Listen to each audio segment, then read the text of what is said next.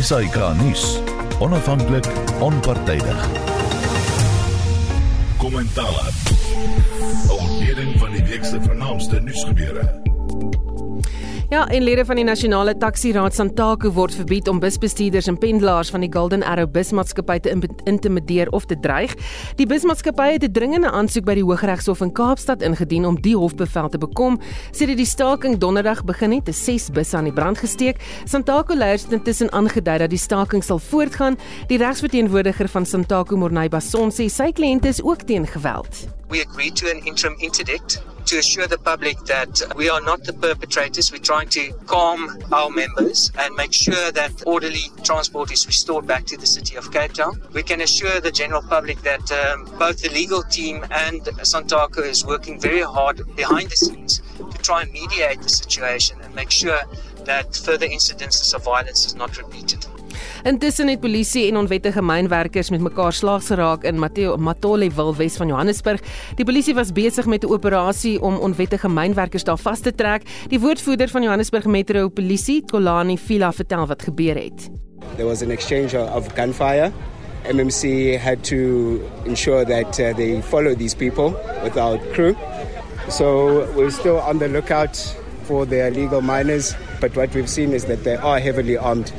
So we need to make sure that we do uh, approach with extreme caution. What we've seen, uh, it is assault rifles. So we're not too sure that it could be AK-47s or other type of machinery. Nou alle temas waar ons gaan praat vanaand in kommentaar. My gaste is Herman Pretorius hoof van strategiese kommunikasie by die IWR. Goeienaand Herman. Goeienaand Susan en die luister. En Liesel de Lange sien 'n verslaggewer by rapport Goeienaand Liesel. Uh, Goeienaand almal. En dan wil ons ook met dokter Oscar van Heerden praat, maar uh, hy wil uh, nie sy foon optel nie of iets het nou daar gebeur. Ons het getoets, maar uh, daai lyn lyk dit vir my nie wat werk nie. Maar Oscar, as jy hoor, laat weet vir ons dat jy kan bel, dan is jy ook deel van die span. Welkom by Kommentaar. Jy luister na kommentaar gaste vanaand is Liesel Lange, Herman Pretorius. Kom ons begin die regsgeleerde Louwelen Kelo sê dat daar nou geen kans is om die Gupta broers uitgelewer te kry om pa te staan vir hulle rol in staatskaping nie. Dit na die Hooggeregshof in Bloemfontein 'n aansoek deur die staat om die kwynskelding van die aangeklaagdes in die korrupsiesaak van die Departement van Landbou en Nolani Beleggingsgroep waarvan eh, Iqbal Sif deel was om te keer. Ehm um, Liesel, kom ons begin by jou. Hy praat daarvan dat die saak heeltemal opgemors is deur die NVG. Ja, dis almal baie ontstellend en dit het ons nou al gesien met die oorspronklike uitspraak in April dink ek was dit uh, wat um, regter uh, Gusha basies bevind het dat die verdediging hoef nie eers ehm um, getuienis te lewer nie omdat die staat se saak so swak was en op grond daarvan is uh, is die saak teruggetrek. En as mens dink hoe belangrik hierdie sake is en hoe die hele land sit en wag om te kyk wat met die staatskapingsake gebeur, ehm um, is dit is dit ja amper ondenkbaar dat dit op sulke tegniese punte net eenvoudig uit die hof uit gegooi is en nou basies weer. Ehm hmm. um, Arman, wat sal die implikasies wees om staatskaping, jy weet, in staat staatskapers aan die pen te laat ry? Kyk dit is 'n um, 'n enorme terugslag hierdie uh, in, in die sin dat uh, ons moet verstaan dat uh, artikel 174 aansoek om ontslag is nie 'n 'n maklike drempel om oor te steek in terme van 'n uh, uh, strafregtelike proses nie. In terme van die strafproseswet word uh, artikel 174 ontslag toegestaan wanneer die staat so ver tekortskiet van 'n kriminele saak bou teen 'n beskuldigde dat die hof oortuig is dat die beskuldigde nie eers 'n saak het om te beantwoord nie.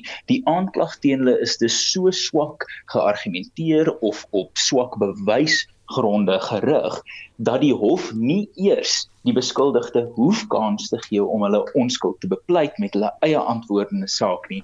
Die saak op sigself val plat. Dit is in terme van 'n toonaangewer vir waar ons trek met die kwessie van staatskaping 'n enorme teleurstelling. En soos uh, Liesel reg sê ons het dit in April reeds te gemoed geloop maar mense het 'n bietjie daai hoop gehad dat die verlof op appel toegestaan word. Maar nie net is die artikel 174 ontslag toegestaan nie om verlof tot appel te weier moet daar redelike gronde wees dat die hof wat hierdie besluit neem oortuig is daarvan dat geen ander hof tot 'n redelike anderste oortuiging kan kom met die feite of die regsvraag voor hulle nie. So nie net is die strafsaak um swak uitgelê en swak gebring in die hof in die eerste instansie nie. Dit is so swak opgelyn dat die hof voel geen ander hof sal die besware van beskuldigings ernstig kan opneem nie. En ons moet ook eerlik wees oor wat hierdie beteken vir staatskaping en nie en hoe staatskaping nie die siekte is nie, maar bloot 'n simptoom van dieper liggende kwale. Hmm. En wat, wat sal invloed hiervan wees op uh jy weet die vervolging van Jacob Zuma Liesel?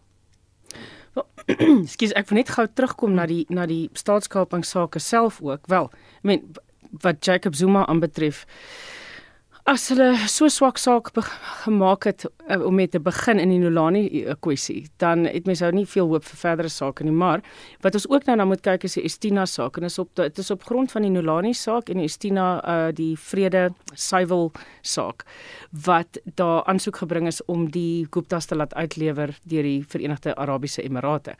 Nou die Estina saak is veronderstel om gaan ek dink die 29ste um, Augustus is dit weer in die hof. Maar intussen ook weet ons nie meer waar die Guptas is eers nie.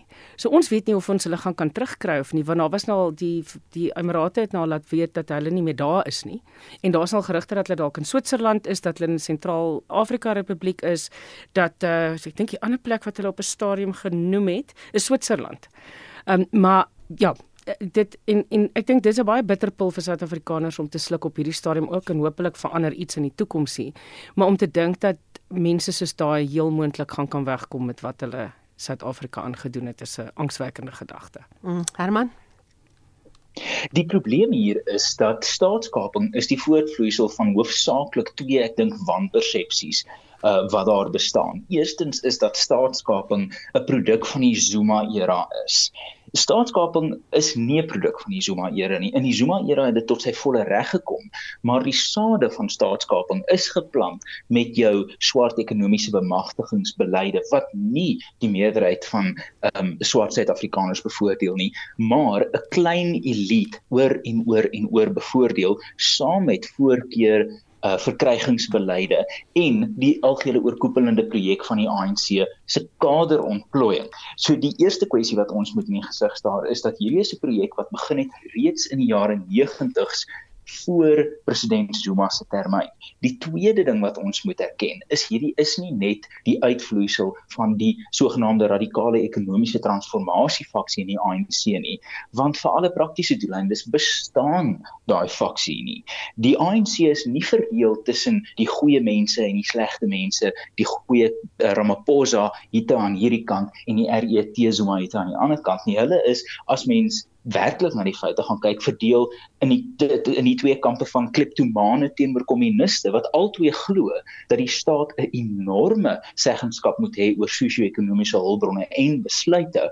Maar die een jou Pravin Gordhan jou Ibrahim Patels volg die ideologiese roete tot daai gevolgtrekking van die enorme staatsmag en die ander volg die Smith Ngonyama roete wat voel hulle het nie deelgeneem aan die struggle om arm te wees nie. Maar op die einde van die dag sit ons met uitgeholde instansies kaderontplooiing en 'n sosio-ekonomiese drukketel wat hierso kook en kook. En as ons op hierdie klein uitlaatkleppe van 'n 25 miljoen rand saak in 'n 500 miljard rand skade of selfs 'n 2 triljoen rand skade aan die Suid-Afrikaanse ekonomie oor die afgelope 20 jaar. Kyk as ons nie eens daar die uh, beskuldigdes in die pen kan laat ry nie dan moet mens besef die verrotting van ons instansies veral jou vervolgingsgesag is is is 'n diep diep moeilikheid en mens hoef net te kyk na die verspeel van uh, 'n uh, menslike kapitaal. Jou Willie Hofmeyr, jou Glenis Breitenberg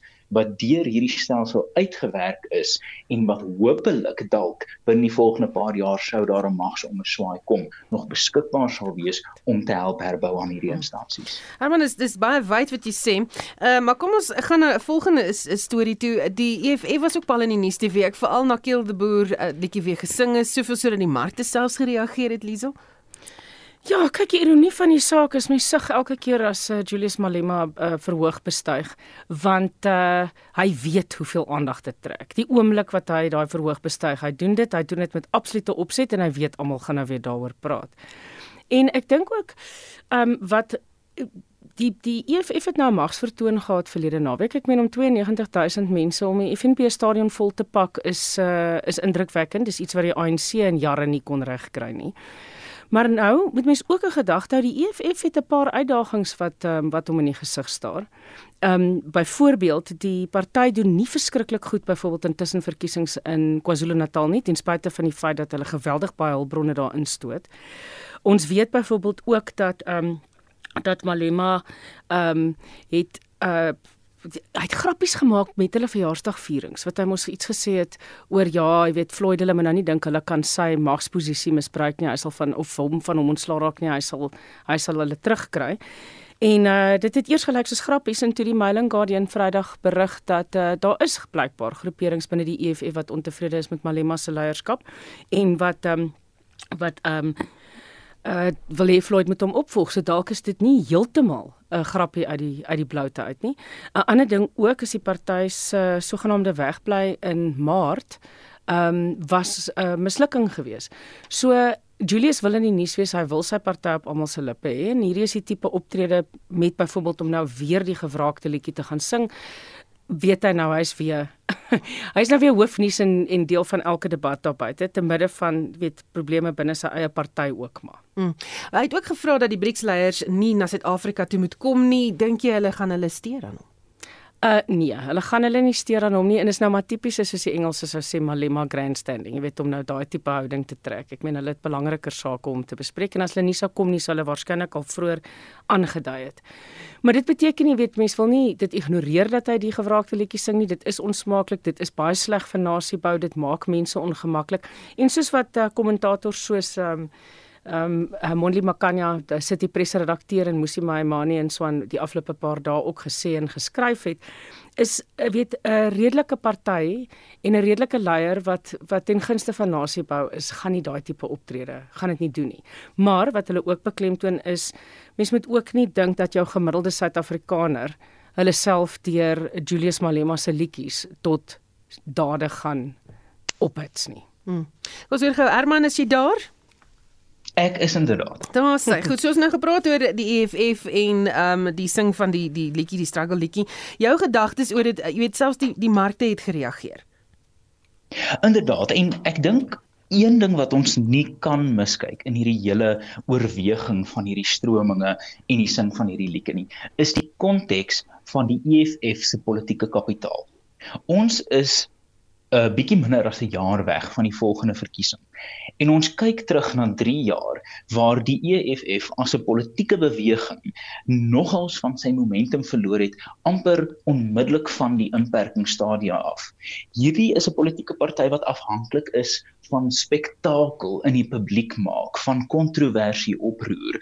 Dit is uh, dit was 'n groot knip vir die 'n uh, party wat die parlement as sy teater hanteer het dat die nie meer beskikbaar is nie of dit nou as gevolg is van die uh, besproeiingsstelsels in die in die in die, die vuur in die parlement en of dit nou as gevolg is van die COVID inperkings. Hierdie is 'n politieke party wat nie meer daai dramatiese aangrypende kontroversiële oomblikke kon gespeel het oor die afgelope 3 jaar nie. Ons hoef net vroeër te kyk in hierdie jaar toe hulle hulle groot magstoetsing nou weer op die spel wou plaas hiersof of soos die Britte dalk sou sê of die Australiërs sou sê hulle wou 'n dooie kat op die tafel gooi om die politieke klimaat te beïnvloed en hulle kon met hulle nasionale shutdown pogings kon hulle niks vermag nie.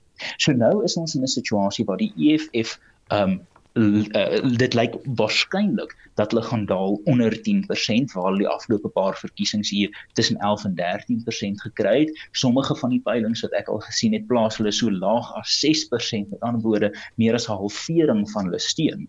So Wat kan Malema doen in hierdie konteks as hy desperaat is vir politieke kapitaal? Wel, hy kan teruggaan na wat al vir 'n dekade lank vir hom werk en dit is hierdie refrein van Kildeboer. Dit is waarop hy sy oorspronklike politieke kapitaal gebou het en sy steunbasis, alhoewel dit nie gaan groei nie.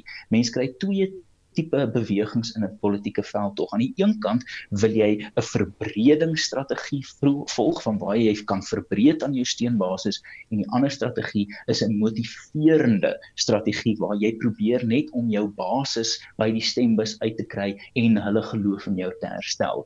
Die EFF stel nie belang in 'n verbredende strategie nie. Al wat oorbly is hierdie motiverende strategie van hulle basis en dit dink ek is die hoofmotiverende faktor van hierdie liedjie en sy tydspreek.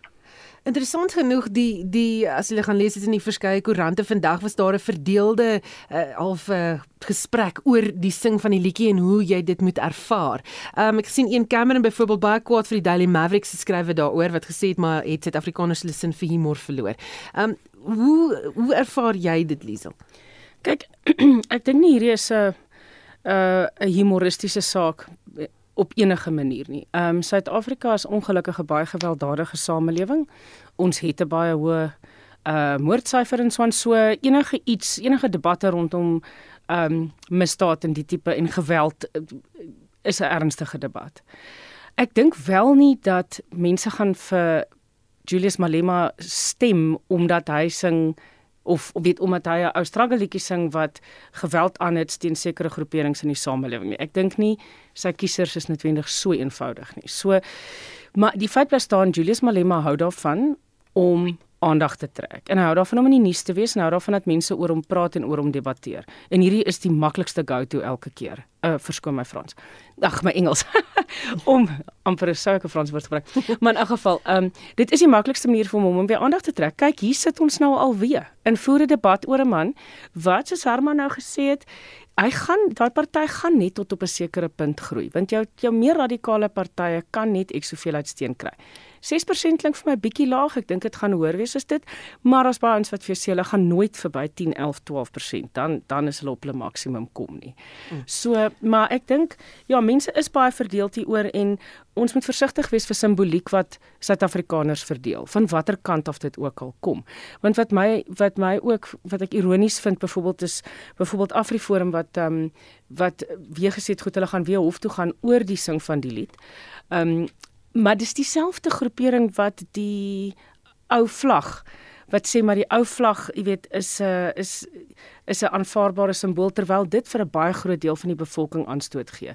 So ek dink as ons net polities volwasse genoeg kan raak om uit respek vir mekaar uit sekere simbole of ou liedjies of ou tradisies dan nou maar net te laat gaan in belang van nasiebou in die toekoms in. Hmm. So gepraat van verkiesingssteun groei ANC en DA ondersteun 'n verkiesingsdrempel om koalisieregerings te stabiliseer. Baie klein partye is egter ongemaklik daarmee want dit benadeel hulle sê hulle. 'n Verkiesingsdrempel kan verwys na 'n minimum persentasie kiesersteun wat 'n party moet ontvang om in die parlement of provinsiale of munisipale vlak te kan intree en regeer. Um Herman, dit is nou na aanleiding van die ANC se dialoog die afgelope naweek. Is dit 'n onrealistiese plan van die twee grootste partye? Wel, um, ek sal ek ek wil een oomblik net 'n uh, stil staan by Liesel se vorige antwoord waar ek dink ons 'n bietjie konteks moet plaas. As ons gaan praat van politieke volwassenheid, moet ons 'n verskil kan tref tussen 'n landsvlag en 'n struggelletjie wat 'n implisiete oproep tot geweld het. Daai landsvlag was die Suid-Afrikaanse vlag tydens die Eerste Wêreldoorlog waar Suid-Afrikaanse swart soldate met groot eer en sukses op die op die slagveld onder daai vlag gedien het en braaf as 'n landsvlag onder daai vaandel geveg het. So om dit net bloot te sien as 'n simbool van haatspraak of as 'n simbool van verdeling is ek dink 'n bietjie eng. Terwyl Kiel de Boer het 'n duidelike gewelddadige implikasie. Ek self dink die oranje blanje blou is 'n lelike vlag. Ek is nie besonder mal oor die vlag nie en ek sal homself waarskynlik nooit in my huis hê of enigiets vir dalk enigiets anders as 'n interessante besienswaardigheid om 'n konteks te plaas in die geskiedenis nie. Maar om te sê dat dit ironies is dat dieselfde groep 'n probleem kan hê met vryheid van spraak wanneer dit gaan oor maak 'n sekere rasgroep seer teenoor 'n vlag wat pre-apartheid 'n uh, menigte soort van 'n uh, bevolkingsgroepe al op die wêreld en nasionaal verteenwoordig saam met die swaar kry wat dit dra nie. Ek dink daarso is 'n onregverdige ekwivalensie om te trek. Alself dink ek albei uh, die die beoefeninge van daai vryheid van spraak is simpel dink ek die een het 'n baie hooglopende beperkende faktor in terme van artikel artikel 36 wanneer dit kom by haatspraak. Dit gesê die drem maar, maar dalk dalk as Liesel daarop reageer dan dan dan sal dit ook daarom regverdig wees dan kan ons nou by die koalisie. Sy baie lus, baie lus Liesel. Nee, beslis Herman en ek dink uh, jy weet ons ons mag dalk nou maar hier van mekaar verskil en ek hoor jou oor waar die vlag oorspronklik vandaan kom, maar ek dink 'n mens moet ook gaan kyk vir die oorgrootste meerderheid van Suid-Afrikaners nou as hulle dit sien wat dit vir hulle simboliseer. En dit simboliseer vir daardie Suid-Afrikaners apartheid wat met geweldpleging teen hulle en ag alles ek meen ons hoef nou nie daaroor kan mense nou lank praat. Maar dit gaan oor wat dit vir daai mense beteken. En ehm um, Ek dink ons moet in Suid-Afrika oor die algemeen vir mekaar probeer respek hê en ek praat nou van alle kante van die politieke spektrum en daardie simbole wat mense ontstel en ongemaklik maak en laat onwelkom voel. Ehm um, moet ons vermy in belang van nasiebou en om 'n koherente gemeenskap aan die gang te kry. En daarom moet ehm um, Malema ook ophou om die lied te sing, jy weet, en en weet maar ek meen ongelukkig is hy nou nie polities volwasse nie en hy is 'n hy is 'n aandagvraat en hy is iemand wat ehm um, ja, wat ek dink nie noodwendig in uh, optree in die groter belang van Suid-Afrika nie. Ehm um, gepraat van die politieke volwassenheid waarvan jy weet nou gesels. Ek sien dat ehm um, Naledi Pandor vandag gesê het dat uh, ons is nou al na 30 jaar nog nie 'n volwasse of 'n suksesvolle demokrasie nie. Ek sien Gert vra daarna op die SMS lyn. Ehm um, julle ek weet nie of julle geluister het daar nie. Wat waar dink julle trek ons wat ons demokrasie aan betref betref Herman? Weet jy dis 'n dis 'n baie interessante gesprek om te voer waar ehm um, Suid-Afrika het 'n het, het 'n baie baie onregverdige historiese posisie tans. Die ehm um, die idee dat mens kan uitkyk oor Afrika en jy sien sterkman politiek, jy sien uh, etniese stampolitiek.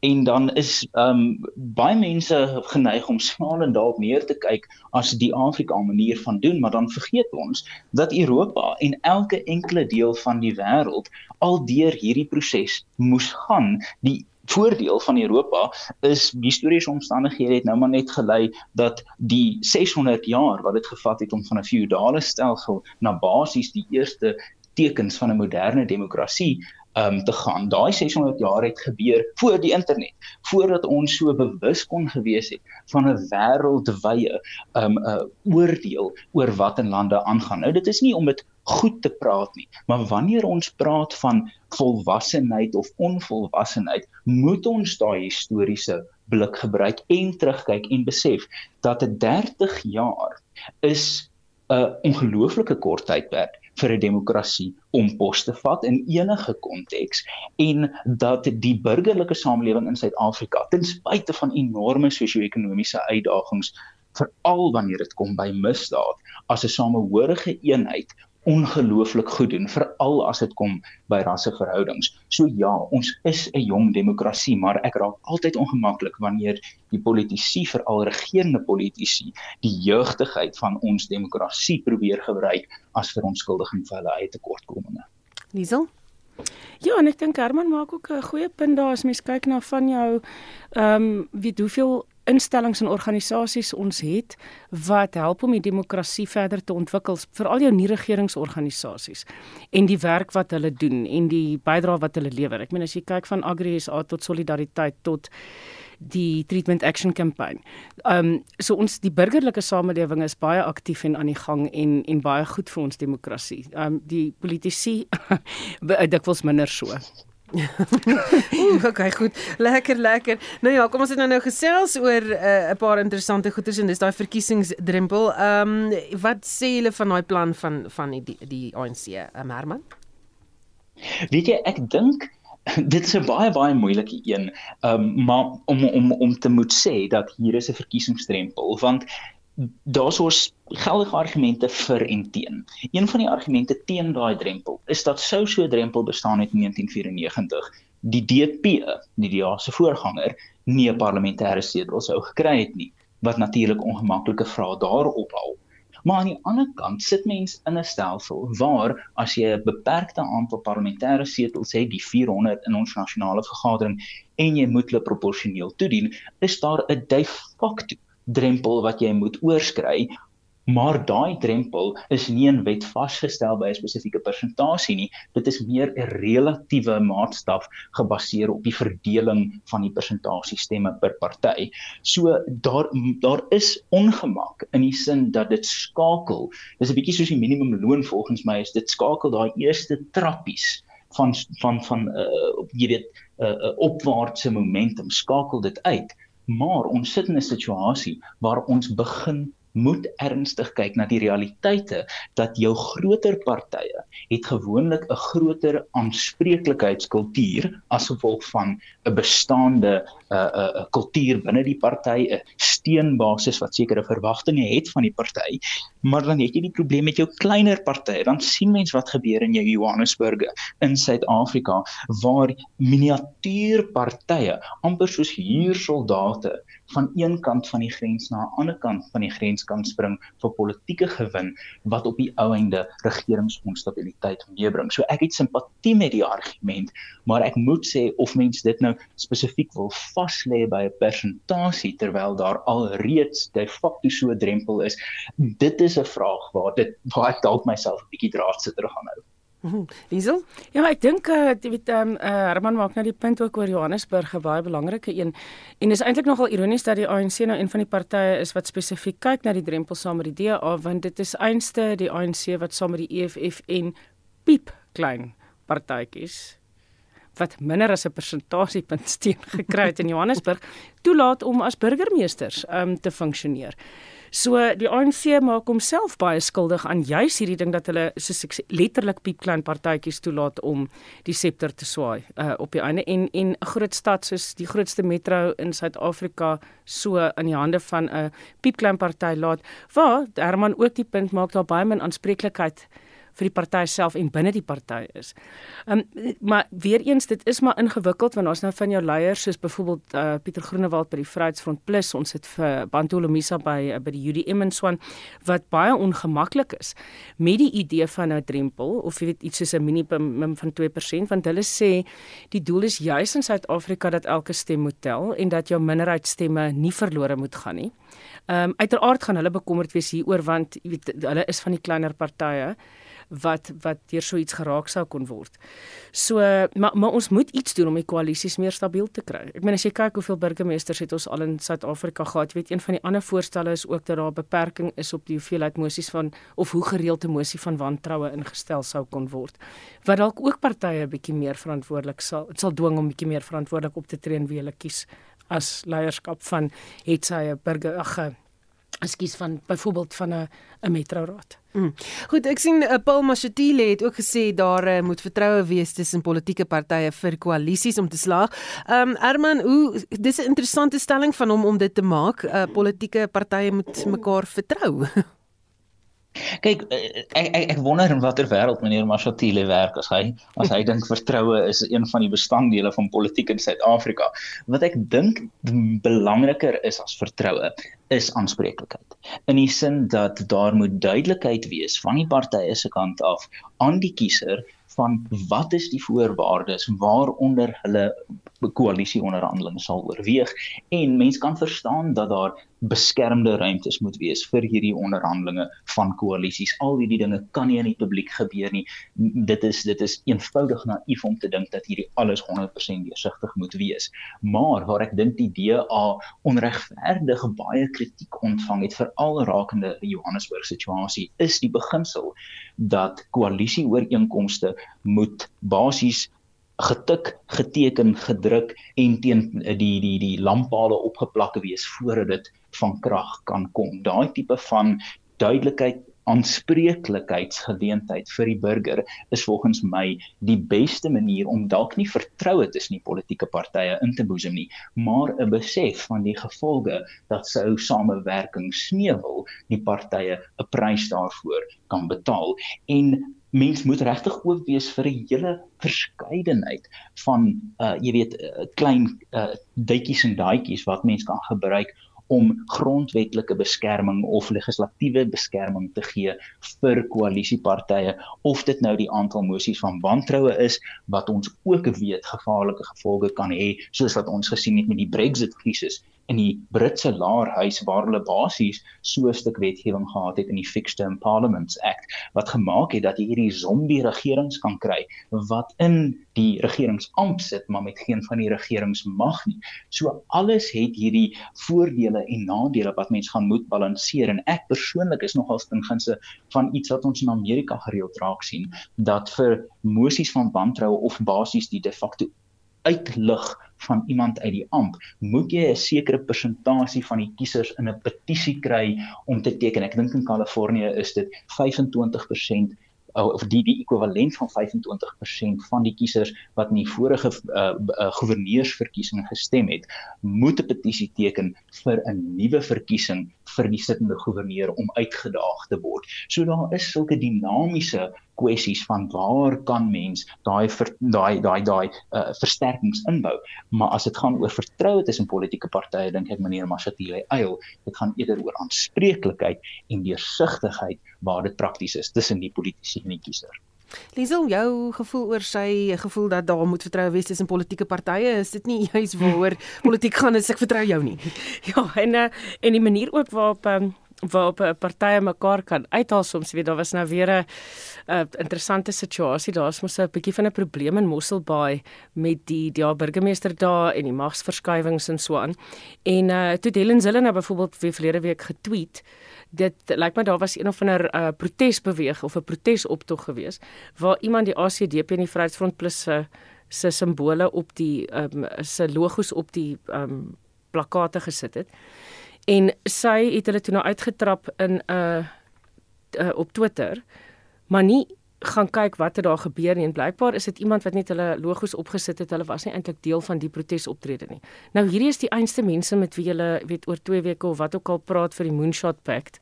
Aan dink ek myself goeie ouers jy weet as jy miskien moet jy net en weet probeer om mekaar minder nie openbaar ook uithaal en dalk net agter skerms eers probeer vertroue bou. Want it, it it doesn't bode well vir samewerking later as mense sulke goed uh, aanvang nie. En net ook om terug te kom by die by die tegniese aspekte, weet in 1994 was daar 19 partye in die land. Nou sit jy met meer as 700 partye wat geregistreer is. So jy het onvermydelik gaan jy 'n situasie oral waar jy of dikwels waar jy piepklein partytjies het en en wat ons 'n manier moet kry om om ehm um, eerstens vir die vir die vir daai kiesers moet wel, jy weet, hulle stemme moet tel, maar daar moet ook verantwoordbaarheid van daai politici wees en verantwoordelike regering. Hier kom ek nou weer terug by volwasse verantwoordelike regering. Daai daai droom van ons, maar ja. Interessant. Goed, so hierdie ehm um, dialoog wat hierdie ANC gelei word teen voeter vir die DA se maandpak, ehm um, jy weet Herman? Ek dink definitief so, maar ehm um, die die die vraag is die hele land weet ons stuur af op 'n era van koalisie regering met ons proporsionele stelsel en die nominale geleentheid vir onafhanklike kandidaate om te staan, is koalisie regerings basies ons voorland as mens moet aanvaar dat die roete tot 50% plus 1 in die nasionale vergadering of in die provinsiale wetgewers nie meer aan die orde van die dag gaan wees soos wat dit vir die afgelope 30 jaar was nie. Maar die realiteit is ook dat die ANC 'n bietjie 'n gesplete persoonlikheid het as dit kom by die kwessie van koalisies. In Gauteng sien ons dat premier Panyaza Lesufi 'n doelbewuste 'n uh, 'n uh, 'n uh, uittarting het van die idee van koalisie regerings en dat hulle oor en oor as die ANC in die provinsie die geleentheid gebruik om aan te dui die chaos wat daar kan kom met 'n koalisie regering terwyl op nasionale vlak sien ons hierdie lippediens aan nee maar kom ons stel verantwoordelike raamwerk daar vir koalisie regering. En ons moet ook onthou die politiek hier dui aan wêreldwyd en oor die geskiedenis heen van demokrasie op 'n baie ooglopende argument wat die ANC gaan maak in die verkiesing in. Dit is altyd in die guns van die dominante party wat moontlik uitgedaag kan word deur 'n koalisie om die argument van stabiliteit te maak. Die konservatiewe party het dit gedoen in 2015 in die Verenigde Koninkryk en 'n verbasende uh volstrekte meerderheid in die Laerhuis gewen omdat hulle eenvoudig hierdie koalisie van chaos narratief geskep het om te sê dat jy kan of die Tories hê, 'n uh, enig uh in in in tipe 'n uh, samehorige regering of jy kan die chaos van die arbeiders en die Skotse nasionalistiese party hê En in Panjaza Lesofie se gedrag in Gauteng sien ons daai argument waar hulle die piepklein partye gebruik om basies die konsep van koalisie 'n slegte naam te gee en dit is nou wanneer die oone skuif na jou partye soos die DA om aan te dui dat die meerderheid van koalisies in die land suksesvol is. Ons moet besef dat daar amper ek dink op die laaste telling 40 nagenoeg 40 koalisieregerings op plaaslike vlak reg oor Suid-Afrika is. Meeste waarvan jy nie eers weet nie, want meeste soos wat dit 'n goeie regering betaam, is nagenoeg onsigbaar in die dienste wat hulle lewer. Maar ons het ons Tshwane, ons Johannesburg, ja. ons Ekurhuleni wat daai daai aandag aflei en die DA ek dink misluk 'n bietjie in daai kommunikasieoorlog. Ja. Gepraat van die ANC, Liesel, ek sien dat Gweri Mantashe en Pravin Gordhan kla dat Fikile en Balula hulle afknou. Ja.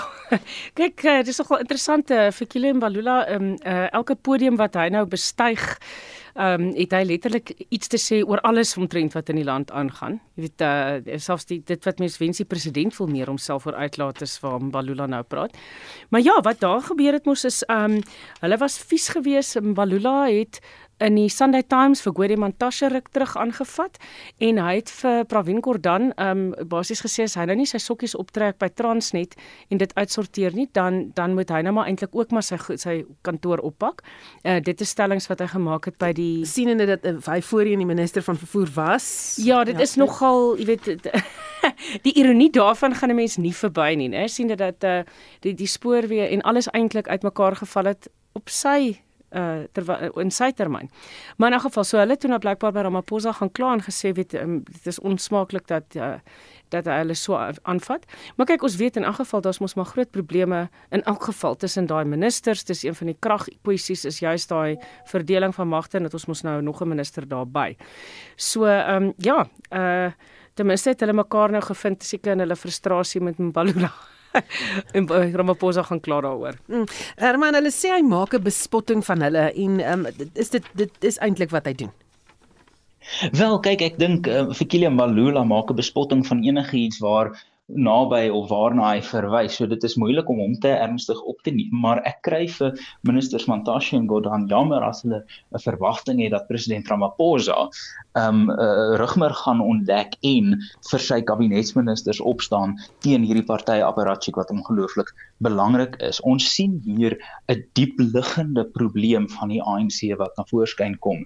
Wanneer jy nie 'n dominante figuur soos 'n uh, Mandela, 'n Mbeki of 'n Zuma het wat kan sorg dat die party onderhewig aan die leiers se wil funksioneer nie dan sien jy hierdie krake van hierdie twee sentra van mag van jy die presidentsie aan die een kant en dan het jy die sekretaris-generaal Malula aan die ander kant wat volgens die party konstitusie en die party werking regtig nogals uh, uh uitdagend kan wees vir mekaar in terme van die bestek van hulle besluitneming.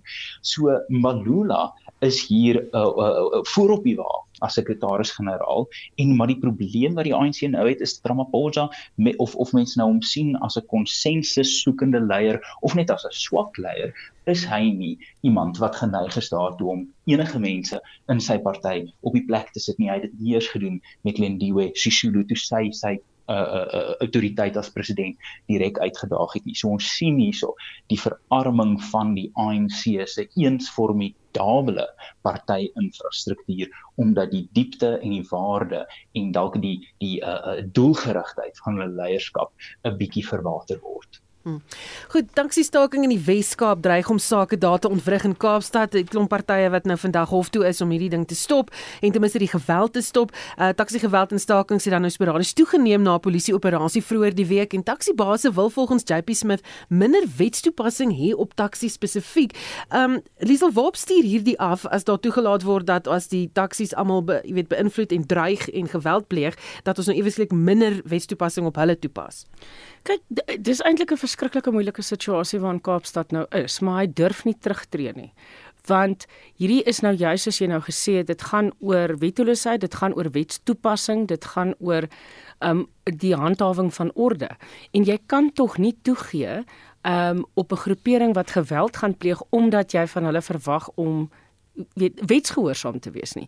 Want die taksies is uh, ontevrede oor strenger toepassing van ehm um, van ehm um, wetgewing en van regulasies en dat hulle weet met die korrekte permitte en swaan moet rondbeweeg. En ons weet al lank al die taxi-bedryf is 'n enorme probleem in die land. Ek meen daar's groot probleme. Dit was nie nou net met hierdie ehm um, intimidasie van die busse nie, maar ons weet die langafstand busse, daar's gereeld geweldpleging en probleme daar ook. Ehm um, ook in die Oos-Kaap. Ons het uh, die probleme met die spoorvervoer wat die taksies ook maar weet op hulle manier probeer ehm um, probeer ondermyn en ons kan dit ons durf dit nie toelaat nie. Maar en, en eintlik as enige ander metro nie dat dit in Johannesburg of so op die oomblik gaan gebeur nie want die is baie min wetstoepassing eintlik. Maar jy sou dieselfde probleem hier gehad het as ons nou skielik ons metropolisie skielik besluit het maar hulle gaan nou doen wat hulle veronderstel is om te doen en hierdie ouens onder beheer kry. Mm. Um Erwan, is die taksies besig om hulle spiere te bult en gaan dit 'n impak hê? Wel, ek dink hulle is besig om hulle spiere te bult. Die vraag is net wat bedoel ons met impak? Um want die die moeilikheid met die taxi-industrie is dit is 'n basiese monopolie op kleinskaalse uh, uh, stedelike vervoer wat ingetree het oor dekades uh van mislukking van munisipale vervoer. Nou sit jy met 'n situasie waar een entiteit, een sektor, een industrie, een liggaam so baie beheer het dat hulle basies die vloei van stedelike arbeid kan beheer en boonop ook nog enorme koneksies het tot jou meer onderwêreld elemente in terme van amper 'n maffia staat. En dit is ongelukkig die gevolg van 'n paar kwessies. Nommer 1, dit is die gevolg van munisipale diensleweringmislukkings dat die taxi bedryf in die eerste plek nodig geword het om mense van punt A na punt B te kry verwerk dat daar nie busse en veilige vervoer beskikbaar was vir daai mense nie is amper die eerste ding wat hier fout gegaan het. Die volgende ding wat hier fout gegaan het is dat ons moet en, en mense gaan my dalk kwaliteit neem hiervoor maar ons moet simpatie hê met die taxi bestuurders. Hierdie is mense wat, wat in basies 'n 'n 'n 'n kriminele wêreld met ongelooflike blootstelling moet funksioneer waar as jy nie 'n sekere drempel ontmoet van passasiers wat hierdie dag vervoer het nie, eet jy nie. Dit is nie 'n kwessie van jy het 'n aandeel in 'n persentasie van die opbrengs nie.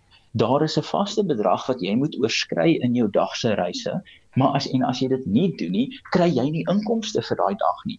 Dit sit tot 'n groot mate agter hierdie desperaatheid en hierdie wetteloosheid. Maar dit vloei dan deur in amper 'n arrogansie van die wette is nie meer op ons van toepassing nie. En die vraag is hoe sit mens hierdie ding weer terug in Pandora se taxi? Die kwessie word op die ou einde kan ons alternatiewe deeg uh, uh, mates van uh, vervoer kry sodat ons nie blootgestel is aan hierdie monopolie wat die hef in die hand het van stedelike arbeid vervoer nie. En as mens na die data gaan kyk is veral spoorweë, ons het gepraat van minister voormalige minister Mbalula, veral spoorweë is 'n enorme verlies vir hierdie land. As mens kyk in 2008 was daar 600 miljoen passasiereise in 'n jaar. In 20 2022 was dit nader aan 200 miljoen. So ons het 'n enorme verlies van daai passasiers ver, uh, vervoer kapasiteit verloor en dit maak dat die taksies al hoe meer hef in die hand kan hê. Hmm. Intussen veroorsaak onwettige mynboubedrywighede ook groot kopseer in Gauteng en onwettige mynes word doodgeskiet. Gemeenskappe vrees vir hulle lewens en al meer vingers word na die polisie gewys wat verlam is en of niks wil of kan doen nie. Storie op die voorblad van rapport oor die vee diefstal en die manier hoe dit hanteer is en die polisie se rol daarin of gebrek aan 'n rol daarin. Ek weet al meer vingers wat hier na die na die polisie wys en dat wetstoepassing nie gebeur nie, Lies sien dit is 'n dit is 'n geweldige probleem waarop ons afstuur reg oor die land en wat verskillende weet wat wat soos jy nou noem eintlik 'n klomp fasette uitwys. Want ons sit ook met 'n dilemma weet daar was nou 'n beriggewing gewees oor Riverlea spesifiek in Johannesburg omgewing wat groot probleme ook met die Zama Zamas het. En ouer gewoonte die oomblik wat iets heelwat uh, publisiteit kry dan uh, slaan uh, minister uh, Kyle daar uit en jy weet met groot vanvare kondig af dat hier nou iets gedoen gaan word en weet hulle het nou 'n paar ehm um, die die polisie daar opgedaag en 'n klompie ouens gearresteer en swaan jy weet ehm um, uh, die afloope ruk. Maar dan verdwyn hulle weer Ehm um, as jy met die gemeenskap van Westbury byvoorbeeld praat hier in Johannesburg waar mense geweldige buk gaan onder bende geweld, elke nou en dan is daar 'n groot betoging of al gebeur iets, dan slaan al die politici weer daar uit en maak groot beloftes en 'n paar maande later, weet paar dae later verdwyn hulle weer. En ek dink dit is een van ons grootste probleme want nou word Suid-Afrikaners toenemend genoop om die reg in eie hande te neem of om self te probeer om iets daaraan te doen, soos met kwessies um, uh, van veediefstal. En uh, ons kan nie met so 'n samelewing werk nie want jy weet daar's wel ons ons wil nie met so 'n samelewing um te doen nie nie want as mense die reg in eie hande neem Um, dit raak gevaarlik vir die beweerde oortreders vir die mense wat dit self probeer aanpak ook. Um en ja, dit dit laat jou hele jou fabriek van jou van jou gemeenskap uitmekaar val. Hmm. Herman, die polisie se rol of gebrek aan 'n rol as mens kyk na al hierdie stories in die goue draadjie wat deurloop. Wel, ek dink die polisie se rol is een van ek dink sewe komponente wat ons hier moet oorweeg veral ten opsigte van die Zamazamas. En ek gaan nou 'n paar bestanddele hier in hierdie pot ingooi. Nommer 1 sit ons met 'n land wat ryk is in minerale en mynbou geleenthede. Maar as gevolg van die stelselmatige afname van mynbouproduktiwiteit en winsgewendheid in Suid-Afrika sit ons met die realiteit dat mynbehoeftes bestaan en mynbou mineraal hulpbronne bestaan maar die kommersiële insentief om dit te ontgin in wettige konstruktiewe ekonomiese aktiwiteit ontbreek toenemend soos wat ons sien die mynbousektor krimp en onder meer druk kom. So dan is daar hierdie geleentheid, hierdie insentief vir uh, voormalige mynwerkers of mense in daai gemeenskappe om die vermoëns wat hulle het nou maar te gebruik in hierdie geval onwettiglik. So ons sit met die agteruitgang van die mynbou sektor. Dan sit ons met die probleme van ons maatskaplike verval en Diesel het verwys na jou bendes geweld. Hierdie is situasies waar jong mans op 'n maatskaplike vlak of jong seuns op 'n maatskaplike vlak iewers soek om te behoort in die samelewing. Jy kry dit nie meer by jou families nie, want die sosio-ekonomiese druk wat oor die afgelope 50 jaar opgebou het, het baie van daai verhoudings aan flarde geskeur. So nou raak jy maar krimineel betrokke, want dit is minstens waar jy op 'n baie subjektiewe menslike vlak 'n uh, bestaansreg kan hê, jy vervul 'n funksie en jy verdien dalk 'n geldjie daardeur. Dan sit ons ook met die probleem dat daar is 'n opvoedingsgebrek. Daar is nie 'n geleentheid of 'n verwagting dat jy van 'n jeugdige tydperk op kan groei in 'n ekonomies produktiewe lid, lidmaat van die samelewing nie, so want jou opvoedingsroetes is afgesluit. Dan kyk ons na onwettige immigrasie wat nog meer hierdie situasie uitbuit en sorg dat daar verdere xenofobiese spanning gaan wees, dan kom ek uh by die die die kwessie van ons polisiedienste en ons korrektiewe dienste en ons regstelsel wat ons in die steek laat waar die polisie het so 'n uh, reputasionele probleem hier dat of hulle word gesien as onbetroubaar of hulle word gesien as aktief krimineel of hulle word gesien as afwesig en die rede daar rondom is die vertroue in die polisiestelsel het nagenoeg vir al in jou armswart gebiede in duie gestort grootendeels as gevolg van dinge soos kader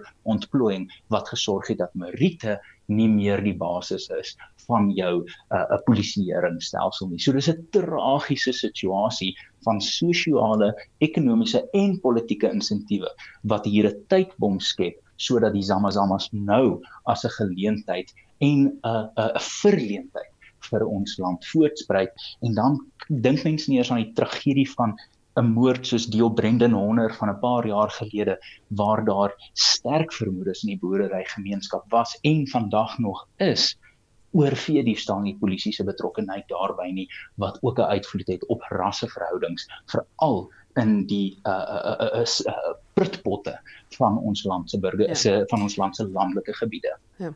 Goed dan, ehm um, ek sien 'n uh, luisteraar verwys ook daarna. Volgende volgens beide City Press en rapports is die ondersoek na die Lady R afgehandel en glo sê sy het niks opgelaai nie en dat die president later dele van hierdie verslag uh, sal bekend maak. Ehm um, hiersal daar word steeds nie gesê hoekom die skip se senders afgesit is nie. Dis natuurlik nou die probleem en en dit is wat die hele situasie so verdag maak. Jy weet in die eerste plek, hoekom sou so 'n omvattende ondersoek nodig moes wees? Want die hoof van die basis, die minister tog die hoof van die basis kon bel en sê hoorie daai boot wat nou daar lê wat gaan daaraan en letterlike onmiddellike antwoord kry op wat aan die gebeur is daar. Ehm um, so ja, die senders is afgesit. Ehm um, dis ook vreemd dat daar nie, jy weet, behoorlik boek gehou is toe in die logboek logboeke, ekskuus vir my terminologie nou, wat opgelaai is, wat afgelaai is en so aan nie. So uh, dit maak dit nou baie moeilik. Ehm um, maar Die verslag van die onafhanklike paneel is nou uit. Uh, wel nie uit nie, dit is aan die president gegee. Um van die inligting het uh, gelek aan aan Erika Gibson wat uh, gereeld vir ons uh, op vryskut basis ou militêre kenner wat vir ons skryf. En um sy het gesê weet dit dit lyk nou uit daai verslag uit dat daar is nie wapens opgelaai nie, daar's wel wapens afgelaai wat bestel is voor Covid geslaan het en dat die spesifieke wapens uit Rusland nodig is vir Suid-Afrika se missie in Mosambiek. Soos ons weet is daar weet weermag is ontplooi in die noorde van Mosambiek om te help met die um, geweldpleging daar. Maar ehm um, ja, so so as mens nou die president gaan moet besluit of hy die verslag bekend maak, hy het oorspronklik gesê hy gaan nie, maar dalk in die lig van die bevindings sal hy. En nou is die vraag ook wat gaan ambassadeur uh, Bridget van Amerika doen? Want jy weet hy het ehm um, weet baie ehm um, sterk stellings gemaak destyds rondom die skip. Ehm um, en dit het 'n impak gehad. Ek meen selfs die rand, daar was 'n klomp geweldige reaksie daarop gewees. Maar soos jy sê, ongelukkig sekere vrae steeds nie beantwoord nie want die paneel het gesê dit was nie deel van hulle ehm um, van hulle opdrag nie, maar soos byvoorbeeld hoekom die senders afgesit is toe die skip in die in die hawe gelê het. En dit was ook glo nie deel van die ondersoek nie of jy weet, hulle is nie gevra om daarna te kyk nie, maar interessante jy weet inligting wat nou kry, is die employing in Mosambik het na 2020 begin en so die redenasie van 2019 dat dit bestel is voor 2020 is, lyk dit vir my ook nie heeltemal korrek nie, Herman.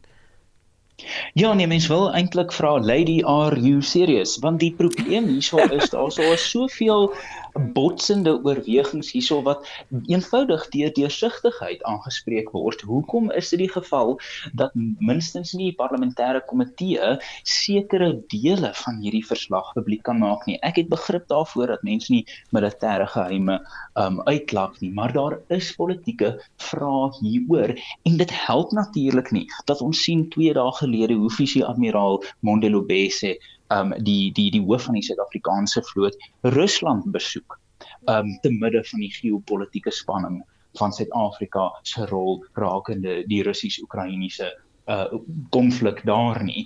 Suid-Afrika het 'n ongelooflike probleem in terme van sy buitelandse beleid in die sin dat ons is nie seker wat dit self is nie. As mens gaan kyk na wat buitelandse beleid veronderstel is om te beteken, kyk mense na lande soos Nigerië en Zambië meer onlangs wat sorg dat jy die magsentrums in die wêreld kan afspeel teenoor mekaar op 'n konstruktiewe manier sodat jou land daai voordeel kan trek. Indië doen dit uitsonderlik goed, maar Suid-Afrika het 'n vermoë om 'n uh, uh, ammunisie te kry en wapens te kry en dan skouspel agter onsself in die voete skiet. ja, nee, Erman, dit is 'n uh, dis 'n feit. En ek dink wat ook ehm um, weet uh in hierdie konteks van van Suid-Afrika se verhoudinge met Rusland en juis met die Lady R, hoekom die wie daar soveel vraagtekens was en ons almal so weet dit so ontsettend verdag was is die gebeure rondom dit. Jy weet die hoof van die leer wat ook in Rusland was vir 'n besoek uh die feit dat ons ministers gehad het soos minister uh, Pandor wat gesê het Rusland is ons vriend en sal altyd ons vriend bly. Jy weet so ons het onsself baie hmm. spesifiek ons weet ons sê ons is neutraal of ons weet ons kies nie kant of wat ook al nie maar ek weet ons het onsself eintlik maar baie duidelik in 'n kamp ingeverf en wat enige optrede verdag gemaak het en spesifiek ook met die Lady R nou en en ons weet daar is nou hierdie verslag ehm um, opgestel wat nou lyk my daar's nie wapens opgelaai nie maar die probleem is ons weet mense gaan nog steeds nie noodwendig die verslag glo nie hm. Kom ons gaan uh, vinnig buiteland toe. Um CNBC berig dat China dalk die Swartsee graanooreenkoms kan red dit omdat Beijing die grootste ontvanger van graan uit die ooreenkoms is. Rusland het vroeër uit die ooreenkoms onttrek. Um wat sê jongste daar Liesel? Ja, dis nogal interessant net dat omtrent 8 miljoen metrieke ton van daai graan, dis by verre die meeste, ehm um, van Oekraïne af met volgens daai ooreenkoms na China toe gegaan het en dan is uh ek dink Spanje is net agter dit met omtrent 6 miljoen metrieke ton. Um interessant genoeg, um Afrika lande is omtrent nie daar nie. Ek dink jy nou een van die lande wat wel 'n bietjie van daai graan gekry het is Egipte. So dit gaan dit sou mense sou verwag dan dat China druk op Rusland gaan sit of gaan moet sit om te sê hoorie ons moet weer na hierdie ooreenkoms kyk nadat Rusland nou onttrek het. Um om te sê weet want hulle gaan 'n probleem hê um met graan as hulle daai volumes graan verloor. Hmm. Interessant. Ehm um, en Herman dink jy da dat China, jy weet self dalk eerder met uh, Rusland reëling sal tref of gaan hulle vir almal optree? Weet jy ek dink Rusland uh, China sal nogals in hulle eie belang optree. En as mens so tussen die lyne lees lyk dit vir my asof China nogals geïrriteerd is met Rusland se aggressie teenoor Oekraïne. Want dit nie net het dit 'n kostes in terme van dinge soos hierdie graanooreenkoms nie maar NAVO was in 'n baie gerieflike toestand van apatie en basies het nie veel rigting of beweging of motivering gehad nie uh voor hierdie situasie nou ontaard het in Oekraïne nie. En dit sou ideaal gewees het vir China om met 'n sluimerende NAVO um uh, hulle hulle bewegings op Taiwan te moet maak Maar nou het Rusland gemaak dat die weste skielik wakker skrik en besef dat klomp van hulle tegnologie is uitgedien of nie beskikbaar in genoeg aantal vir enige aanmoontlike aanslag op 'n oorlog soos die moontlike Taiwanese 'n uh, uh, uh, vraagstuk oor China nie. So ek dink China is liderlik geïrriteerd met Vladimir Putin en as daar mense is wat ek dink jy nie wil irriteer nie, is dit die Chinese Kommunistiese Party. Dink jy daar gaan iets van kom, Liesel? Dink jy hulle gaan optree? Ehm um, die Chinese self nou. Ja, maar kyk, hulle sal ehm um, ek ek ek is wel met Herman saamstem. Ek dink dit is vir hulle geweldig frustrerend hierdie weet hierdie oorlog wat uh Putin nou voer en al die, die weier die hoe die impak daarvan uitkring, soos byvoorbeeld nou met hierdie graanooreenkoms.